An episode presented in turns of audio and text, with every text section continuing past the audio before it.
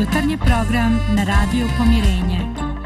Predstavit ćemo vam društvene zbivanja, aktuelnosti, životne mudrosti. Uključit ćemo i goste koji će govoriti o različitim aspektima života. Sve ćemo bogatiti dobrom muzikom. Sve to samo za vas. Jutarnji program. Jutarnji program.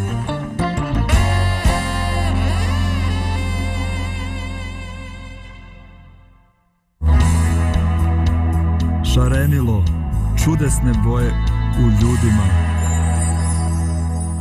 Dragi naši, dobrodošli u ovaj naš program na naš radio koji gradi mostove. Dobrodošli u ovo šarenilo koje se krije u stvari u nama ljudima. Nisu samo tu sive nijanse, ima tu mnogo vedrijih nijansi u nama, samo ih treba malo inspirisati.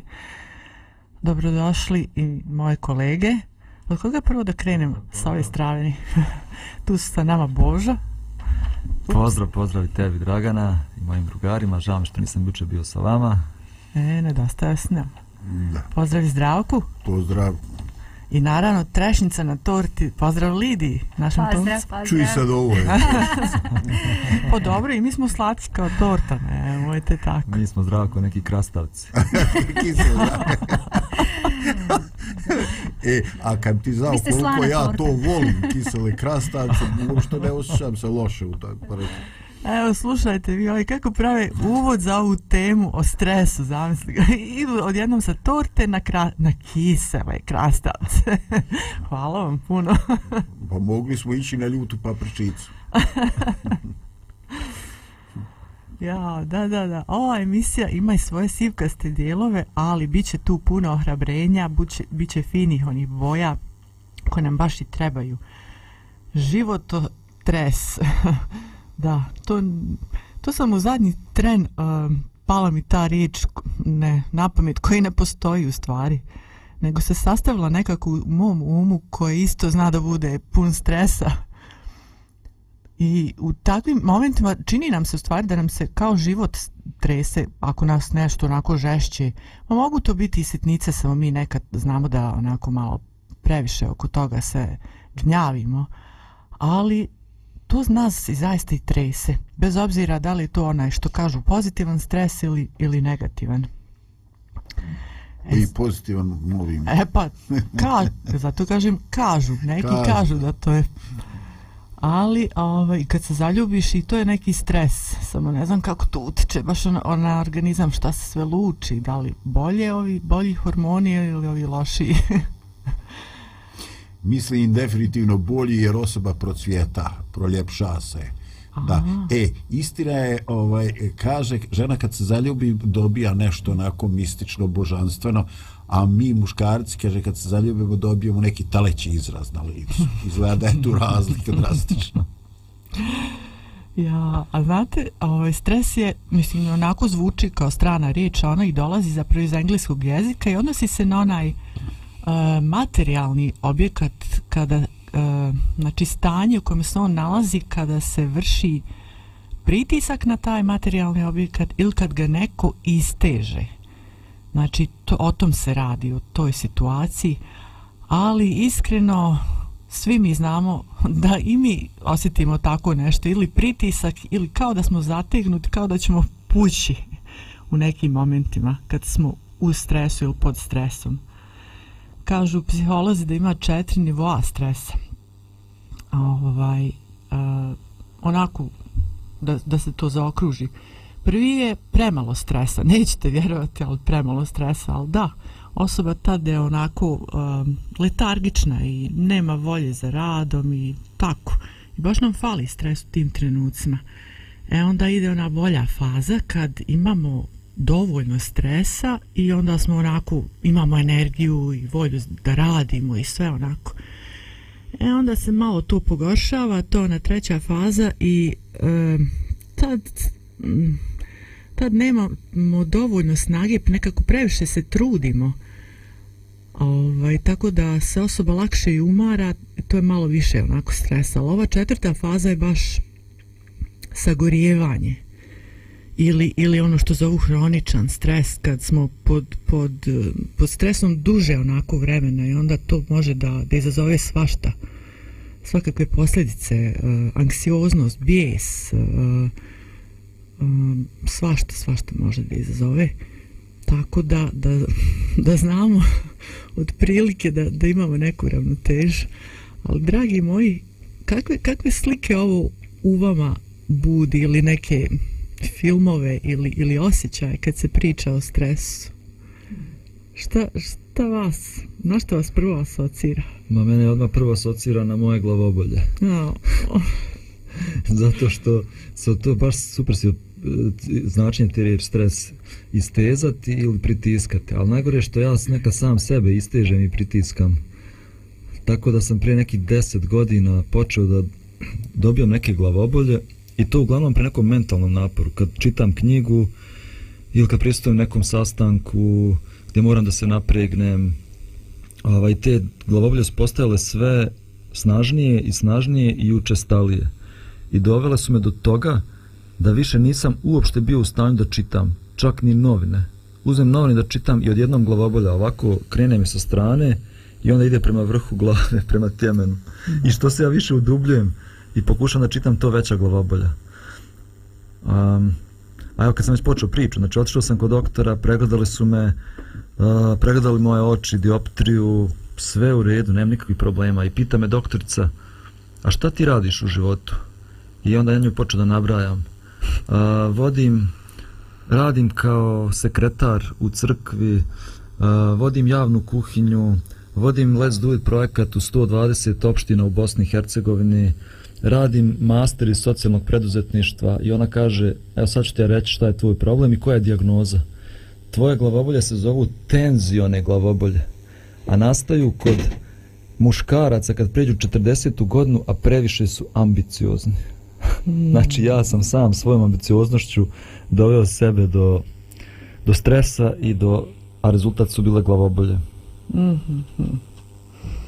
Ja samo kad slušam, kad nabrajaš, ono, me, u meni se javlja nešto, nalik na glavobolje. da. Pa ne znam, evo, u sjećanju kad su, kad su ovaj, e, djeca bili mali, sad su to već ljudi, ovaj za mene je zaista bio stres kad kad ovaj kad djeca imaju temperaturu razumiješ i sad kad treba ovaj provesti e, provesti ovaj noć kad treba to nadzirati i mislim nisam toliko ja osjećao to koliko je ovaj e, koliko mi je bilo to kako je to supruga dramatično doživljavala onda je to ovaj njena ta briga i osjećanje se prenosilo na mene a ovaj a jedan period svog života kad sam eto da kažem radio kao mali eh, preduzetnik ovaj onda je simbol ili sinonim za stres bio eh, kod tih malih radi i kaže eto stigla inspekcija u grad ono, znači. Znači, naš tonac da se uključi ili da, da, neću da te stresiram. pa ja ću samo kratko reći, o čim si rekla, malo prespomenula stres i onda ovaj, si rekla da je to kao neko rastezanje. Znači, mene podsjeti odmah na srednji vek i na ono steza, rastezanje, ali verujte, znači, nimalo nije, ovaj, to sad nešto drugačije, naravno, ne možemo sad uporediti, ali i jeste, zato što mi sami sebi stvaramo takve situacije, nekada nam drugi nameću, a nekad mi sami sebi, tako da to jeste jeste na neki način ono što se dešava sa nama, neko, neka vrsta rastezanja i stezanja u nama, pokušavaš da sve uhvatiš, pohvataš, a nemoguće, mislim, sve više živimo u takvom vremenu, u nekom brzom i ako ne uhvatiš sve loptice, gotovo, znači, odoše i ne možeš se više snaći, tako da često ovaj, stres nekako bude svakodnevni pratila se nama u životu ti si sad dobro napravila ovaj uvod ili neki most za ovaj drugi dio što ćemo pričati. ovaj, a ja sam prvo mislila da, da kao pjesmu prvu koju ćemo imati ovaj, bila je uh, jedna što prvo sam mislila jednu tu pjeva jedan omladinski onako hor i kaže upravo uspori uh, kako drugo ono ka, uspori napravi pauzu u tome svemu i mislim to je poruka koja svima treba uh, ovaj, onda sam se odlučila na nešto drugo, ali mogli bismo ima, i mi sad da imamo jednu pauzicu ovako, pa ćemo onda dalje krenuti.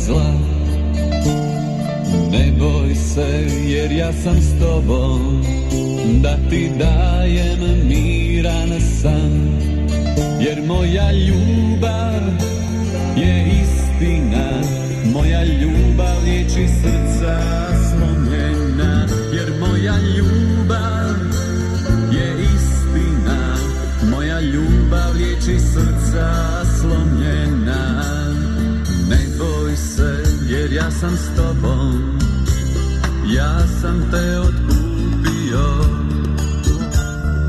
Ne boj se, jer ja sam s tobom, imenom sam te zazvao, jer moja ljubav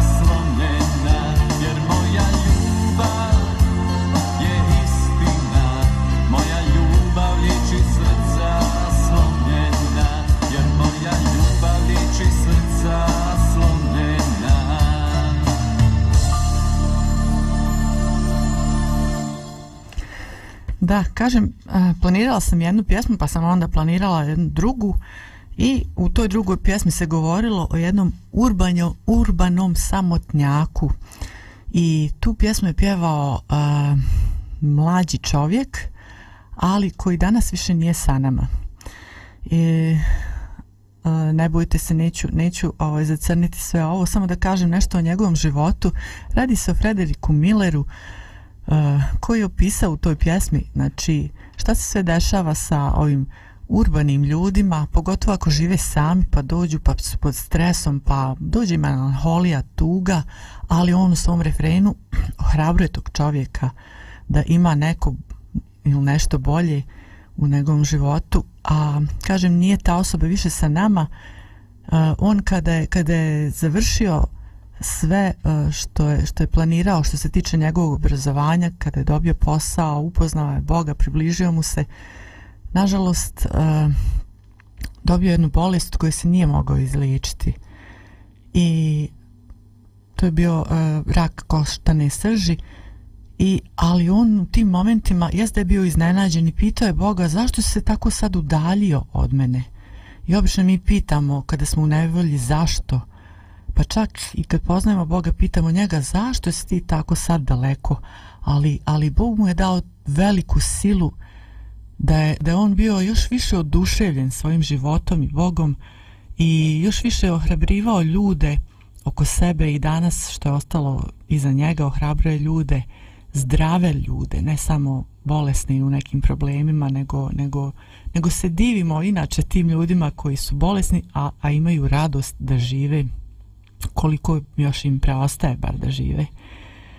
Um, kada, kada, kada ja pričam o ovome, um, da, li, da li nešto vama društvo u studiju pada na pamet neki događaj, možda osobe koje vi znate, onako kratko samo da kažete, um, isto tako neka, neki stres ili možda vaš lični, ako želite naravno da podijelite, um, neki veliki stres, ali sad je ovo vrlo važno što ću reći, da u tom stresu ste prepoznali da ima i ohrabrenja. Da ne ostane samo da ispričate nešto sivo ili crno. Da, da li se sjećate nešto takvog? Ja mislim da jedna osoba ovdje može da nam kaže u par rečenica šta je on proživio, a, ako on želi. Moja Dragana, eh, ne stojiš mi pred očima, moram da se okrenem da vidim na kog gledaš. Ovaj, eh, da, ovaj, pa evo, ja sam bio u jednoj specičnoj situaciji u kome eh, se nije mogla utvrditi diagnoza štitne žlijezde, ali su mi sugerisali da je to vjerovatno karcinom. I ja sam to prihvatio kao vjerovatnoću i, kako da kažem, čekajući operaciju, provao sam jedno mjesec i po, potpuno prihvatajući takvu činjenicu i živeći, da ne kažem spavajući sa njom, ovaj, e, do jedne situacije kad je jedna misa sve preokrenula. Ali ovaj, e, e, ja sam snimio jedan video prilog i radije bi umjesto sad da trošim tvoje vrijeme da to naši slušalci, gledalci ovaj, dakle, eh, pogledaju ajde samo da vas ne bi zbunio eh, ovaj e, u sljedećem dijelu ja ću reći tačan naziv ovaj tačan naziv tog tog videa e, jednostavno e, nisam znao šta se dešava ali došao je mir i to je jedno od većih i ljepših životnih iskustava jednostavno posle nekoje svijesti nastavljaš da spavaš normalno noću kao da je sve u redu iako i dalje misliš da ti smrt visi nad glavom Mm, predivno. Hmm. Hvala za, za ovo iz iskustva i hvala ti što spomenuo taj svoj video. Ali to ćemo više malo reklamirati u idućem dijelu. Kaži Bož. Da, da. Šta, kako se zove. Pa da, evo, zradišam sad o svim tim situacijama. Najveći, jedan od najvećih problema stresa je u stvari briga. Znači, jas, naš život je ubrzan i radimo puno poslova. Znači, ali ono još više od, od tog zamora, jer ne možemo sve da stignemo, je briga.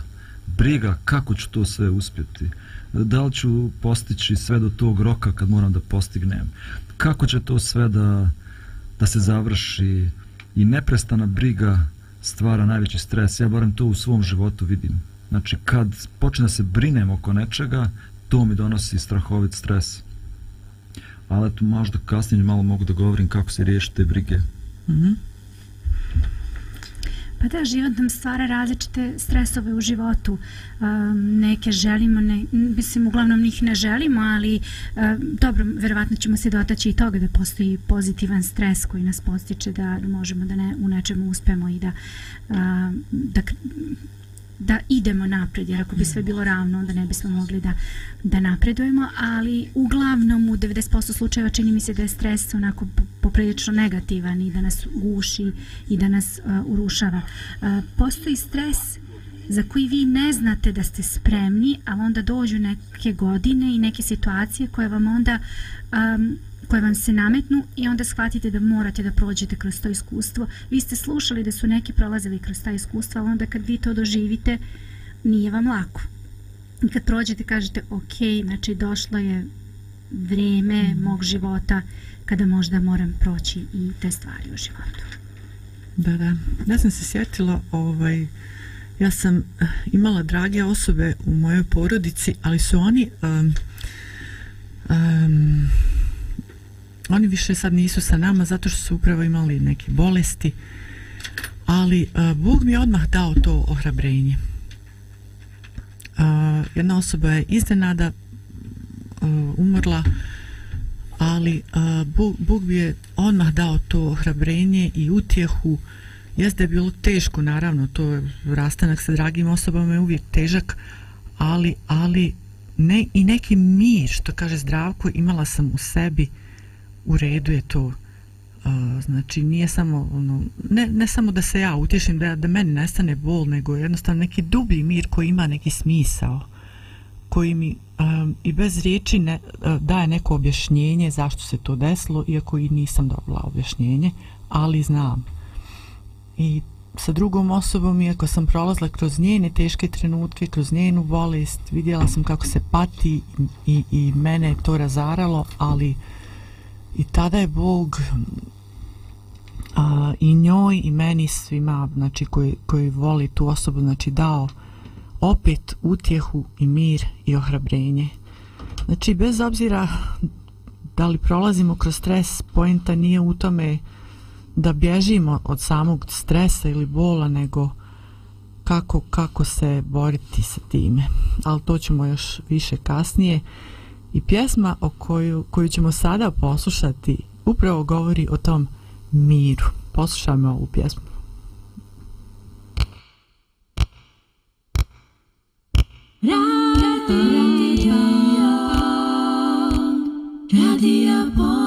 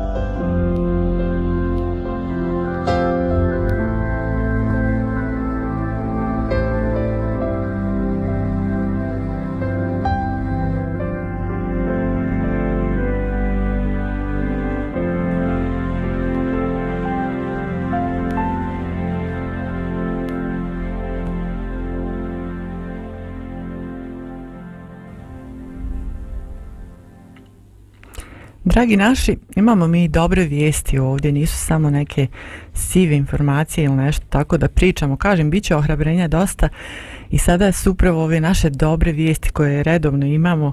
Ova vijest je iz naše zemlje i to od nedavno. Naime, dogodilo se to prije od prilike neka dva mjeseca, znači decembar prošle godine ili tu negdje. Uh, Žena koja se zove Zorica Dukić iz okoline Lopara imala je nekoliko godina hroničnu upalu bubrega i trebala je na transplantaciju. Međutim, javljali su se razni ljudi, donatori, ali tražili su veliku svotu novca za to što će učiniti njoj, što će joj pomoći. A onda iznenada na jednoj e, sahrani srela osobu čovjeka koje, koji, s kojim se samo, eto, samo pozdravljala. Uopšte se nisu poznavali kakve su kakve su osobe. Čovjek koji se zove Cvjetko Ćirić Ćiro iz okoline Ugljevika. Čovjek koji je bez posla. I on čim je saznao tu informaciju, odmah, znači odmah je ponudio njoj, kaže, evo ja ću, ja ću ti dati bubreg svoj, nije problem nikakav. Uopšte nije razmišljao šta će biti ovo, šta će ono, nego došao je ženi da, da joj pruži pomoć. Uh, i bez i jedne marke nadoknade.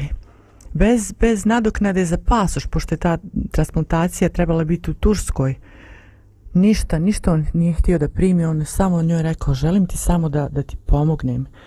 I obavljena je transplantacija i sve je dobro prošlo, ljudi su se vratili kući, ona je, žena je ostala tu da na još jedno vrijeme i sve, sve je proteklo kako treba, ali ova žena nikad neće zaboraviti ovog čovjeka i kaže za njega imam jednog brata, a za svjetka kažem ti si mi drugi brat. I kaže ovaj čovjek je čovjek ogromnog srca. Njegov postupak nema cijenu. Vidite, kaže, koja je ovo gromada od čovjeka? Legenda. Znači, ima još ljudi velikog srca, kaže Zorica. Mm. Dragi naši, ovo je bila dobra vijest o bezuslovnoj ljubavi koja se ničim ne, ne uzvraća, ne plaća. I ovo, ovo je ljubav koja tu postoji na našim prostorima, znači ovdje i sada.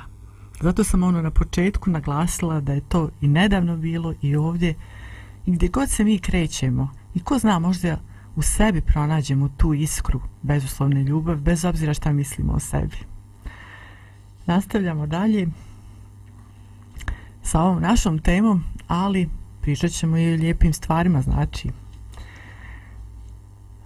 Sve generacije ljudi su imale stres u svom životu ili da kažem teške situacije kroz koje su prolazile. Znači nismo samo mi ovi zadnjih nekoliko decenija ili, ili zadnjih 100-200 godina, nego uh, Lidija je upravo spomenula ono istezanje tamo iz srednjeg vijeka, ali i još ranije prije 1000-2-3 godina ljudi, ljudi su imali strašne stvari kroz koje su prolazili. A ne znam da li je tad baš postojala riječ stres, da li je bio engleski jezik tad upotrebe, da li je postojao. Kako su oni nazivali tu tešku situaciju?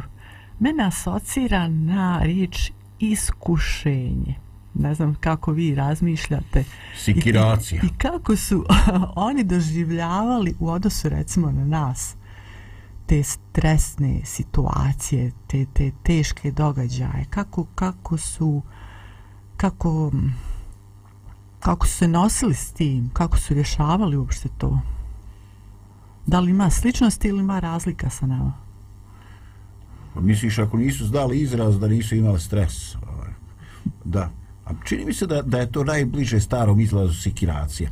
Ali odba imam asocijaciju na Đorđe Belaševića, kaže ono, kao znaš, kad me iznerviraš, mogu malo da te nasikiram. Ovaj, ali on ne misli, ovaj, ima, misli na sasvim konkretan predmet s kojim će obaviti sekiranje. Ovaj, ne znam, čini mi se da je čovjek prošlosti ovaj, imao jednu prednost. -hmm. a to je on je jednostavno bio u stalnoj e, dinamici pokretu hodao je po brdima po planinama imao je fizičke aktivnosti čini mi se da najgora stvar sa stresom e, kad on čini da se izolujemo da se zatvorimo u prostoriju kad smo jednostavno e, idemo prema nečemu što se zove depresija i jednostavno e, nismo u situaciji da učinimo nešto da riješimo, da vidimo kuda to sve vodi a ta e, zatvorenost u nas same i naše misli e, stvara da se mi nepotrebno brinemo za nešto što ušte sutra da neće biti realnost. Znači, mi analiziramo šta bi bilo kad bi bilo, a ono život donese nešto posve drugo, čije. Znači, shvatimo da smo nepotrebno gubili energiju i trošili dragocjene životne sile. Hmm.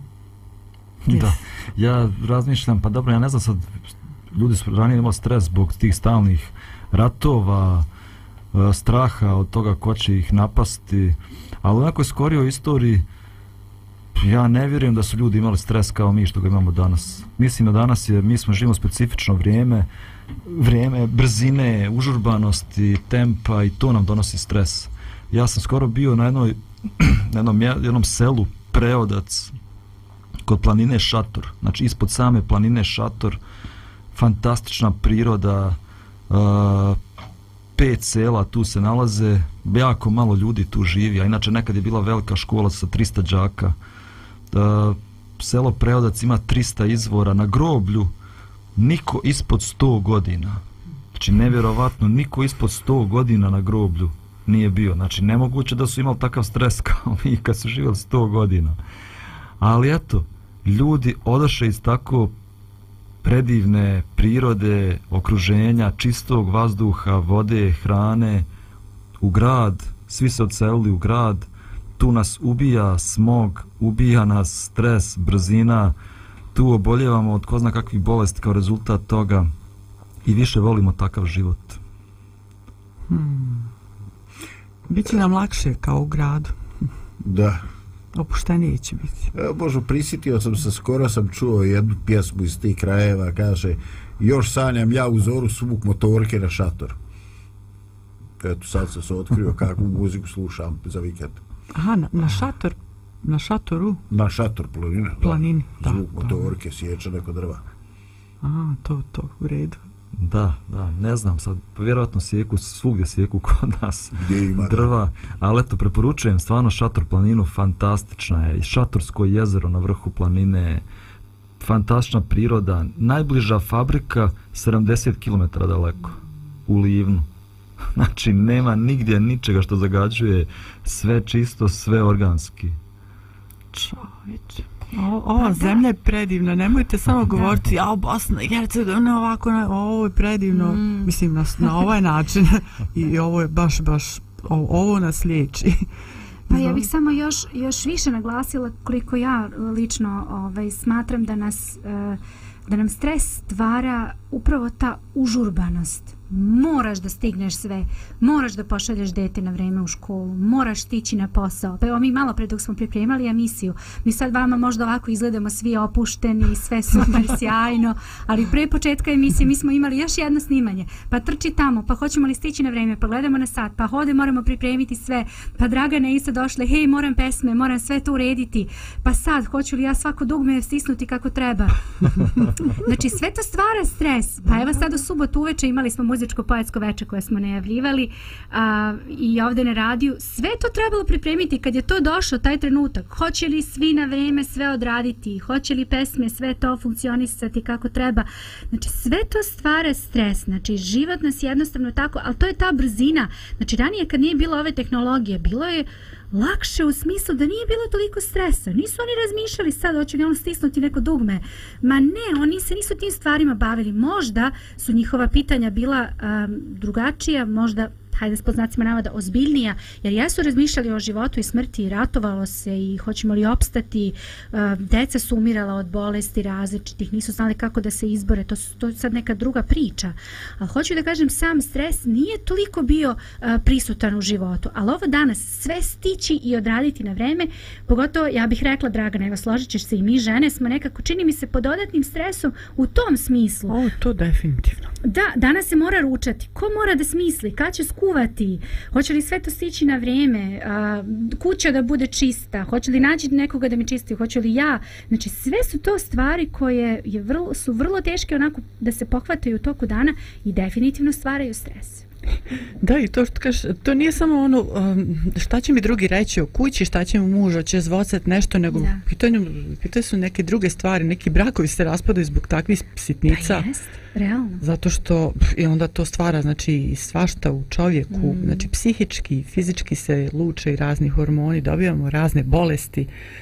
Ja o tu, mislim, a to što si rekla, to mi je baš interesantno, znači, ljudi su tada, kad si rekla za ranije ovo, razmišljali su, kao pitanja su bila o životu i smrti. Wow. Sad ja ne znam koliko smo mi danas u modernijem, pogotovo svijetu, e, svjesni smrti, postojanja smrti. Da li mi možda više bježimo od smrti? Da li nas nešto više zabavlja poput medija? Da li nas e, ovakvi, ovakve stvari, e, sitnije da kažem, hm, pod navodnicima sitnije ili, ili poslovi od kojih se inače umorimo, da li nas to više onako vodi od tih misli da, da, da kažemo, ej, život je ozbiljna stvar i smrt je ozbiljna stvar, da li se smrt može pobjediti, da li život se može bolje živjeti, kako? Vodi nas nekako ove naše generacije, mogu slobno reći u zadnjih 100 godina, a, uh, nekako, nekako dalje od tih ozbiljnih stvari. Ali ništa, nastavit ćemo kasnije ovaj naš razgovor. Imamo ovaj još jednu ohrabrujuću pjesmu, tako da predlažem jednu finu pauzicu.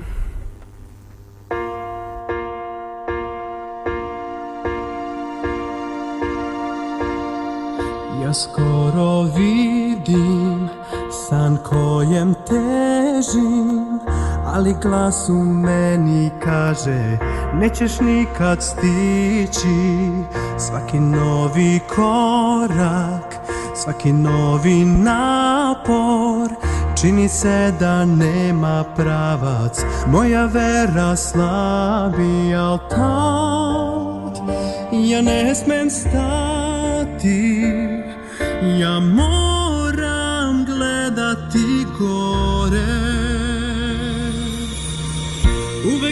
će novi planina na koje ću se penjati uvek bit će novi gorbi neka ću iskubiti nije bitno koliko brzo nije bitno šta je s druge strane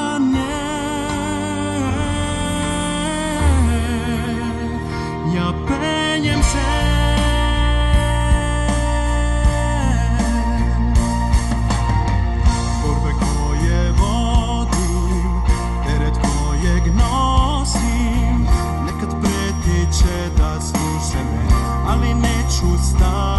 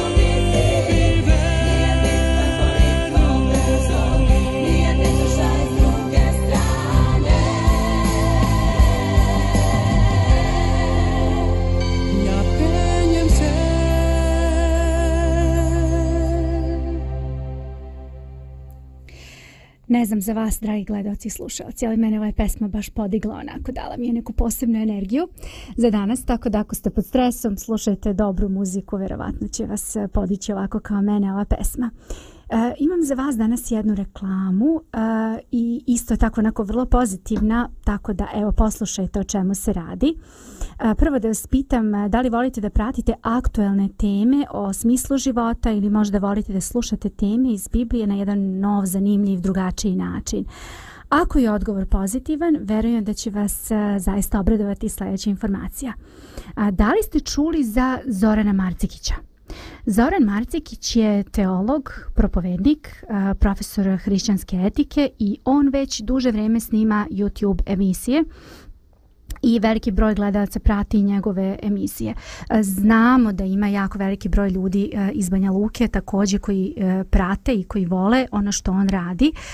Tako da smo odlučili da um, napravimo jedan, eh, jedno okupljanje zajedno sa njim da će on izreklamirati taj svoj YouTube kanal i ako ste već pratili, on to radi eh, po zemljama naše bivše, bivše Jugoslavije, posećuje gradove, reklamira svoj kanal, govori o onome što uh, što je vrlo zaista aktuelno i zanimljivo, tako da verujem da će i ovo za vas također biti jedna dobra i korisna informacija. Dakle, on, e, Zoran Marcekić, dolazi u Banja Luku 10. februara u 18. sati u pitanju je Hotel Talija Mi ćemo naravno još reklamirati ovo događanje, ali evo čisto da vam napomenem da znate da e, zapišete sebi taj datum i kao što znate on svaki put poklanja i sveta pisma, tako da kogod je zainteresovan, želi da dođe, želi da dobije besplatno sveto pismo, ovo je zaista dobra prilika za vas. Dragana?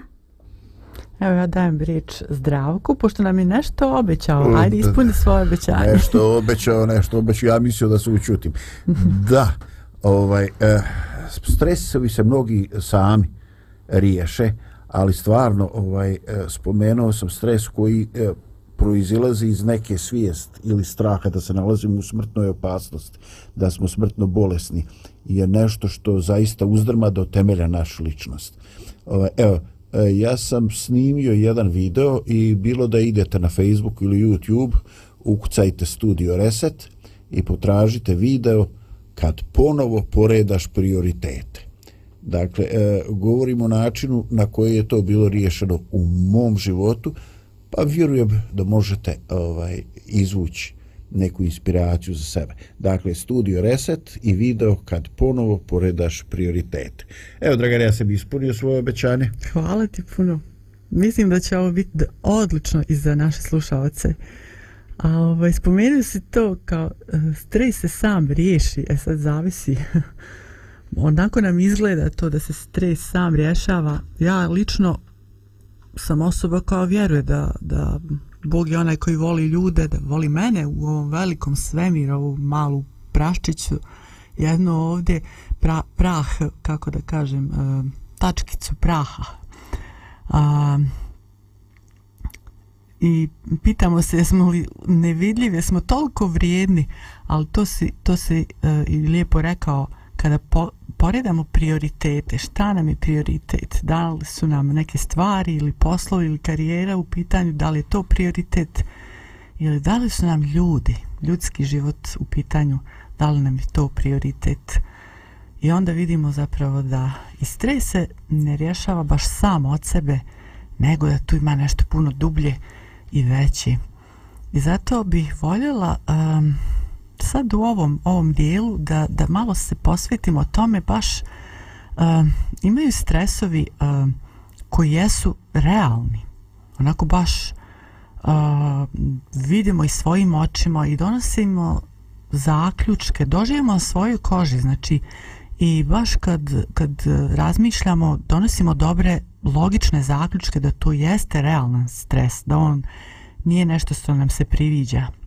Ali imaju neki stresovi koji, koji mi samo ugrađujemo u sebe. Okolina onako gleda šta se sa ovom osobom dešava, pa sve u redu, znači nije to nešto što mi krijemo od drugih.